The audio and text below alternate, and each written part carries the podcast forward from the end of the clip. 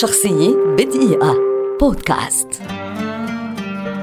رضوى عاشور قاصة روائية وناقدة أدبية وأستاذة جامعية مصرية ولدت عام 1946 وتعد واحدة من أبرز الكاتبات المصريات والعربيات في العقود الأخيرة على مستوى الرواية والنقد. درست اللغة الإنجليزية في كلية الآداب بجامعة القاهرة وبعد حصولها على شهادة الماجستير في الأدب المقارن من الجامعة نفسها انتقلت إلى الولايات المتحدة حيث نالت شهادة الدكتوراه من جامعة ماساتشوستس. عام 1977 نشرت رضوى عاشور أول أعمالها النقدية الطريق إلى الخيمة الأخرى حول التجربة الأدبية لغسان كنفاني. وفي عام 1978 صدر لها بالإنجليزية كتاب جبران وبليك وهي الدراسة النقدية التي شكلت أطروحتها لنيل شهادة الماجستير سنة 1972 عام 1980 صدر لها آخر عمل نقدي قبل أن تلج مجالي الرواية والقصة.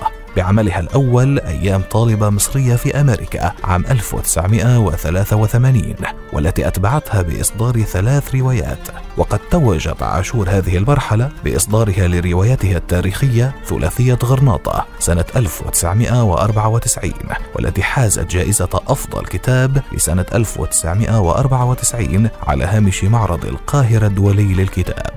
مع بداية الألفية الثالثة عادت عاشور لمجال النقد الأدبي إذ أصدرت مجموعة من الأعمال تتناول مجال النقد التطبيقي وقد نشرت بين عامي 1999 و2012 أربع روايات ومجموعة قصصية واحدة. من أهمها رواية الطنطورية ومجموعة تقارير السيدة راء القصصية. عام 2007 توجت بجائزة قسطنطين كفافيس الدولية للأدب في اليونان وأصدرت عام 2008 ترجمة إلى الإنجليزية لمختارات شعرية لزوجها الشاعر الفلسطيني مريد البرغوثي بعنوان منتصف الليل وقصائد أخرى. عام 2014 رحلت رضوى عاشور عن عمر نهز 68 عاما. شخصية بدقيقة.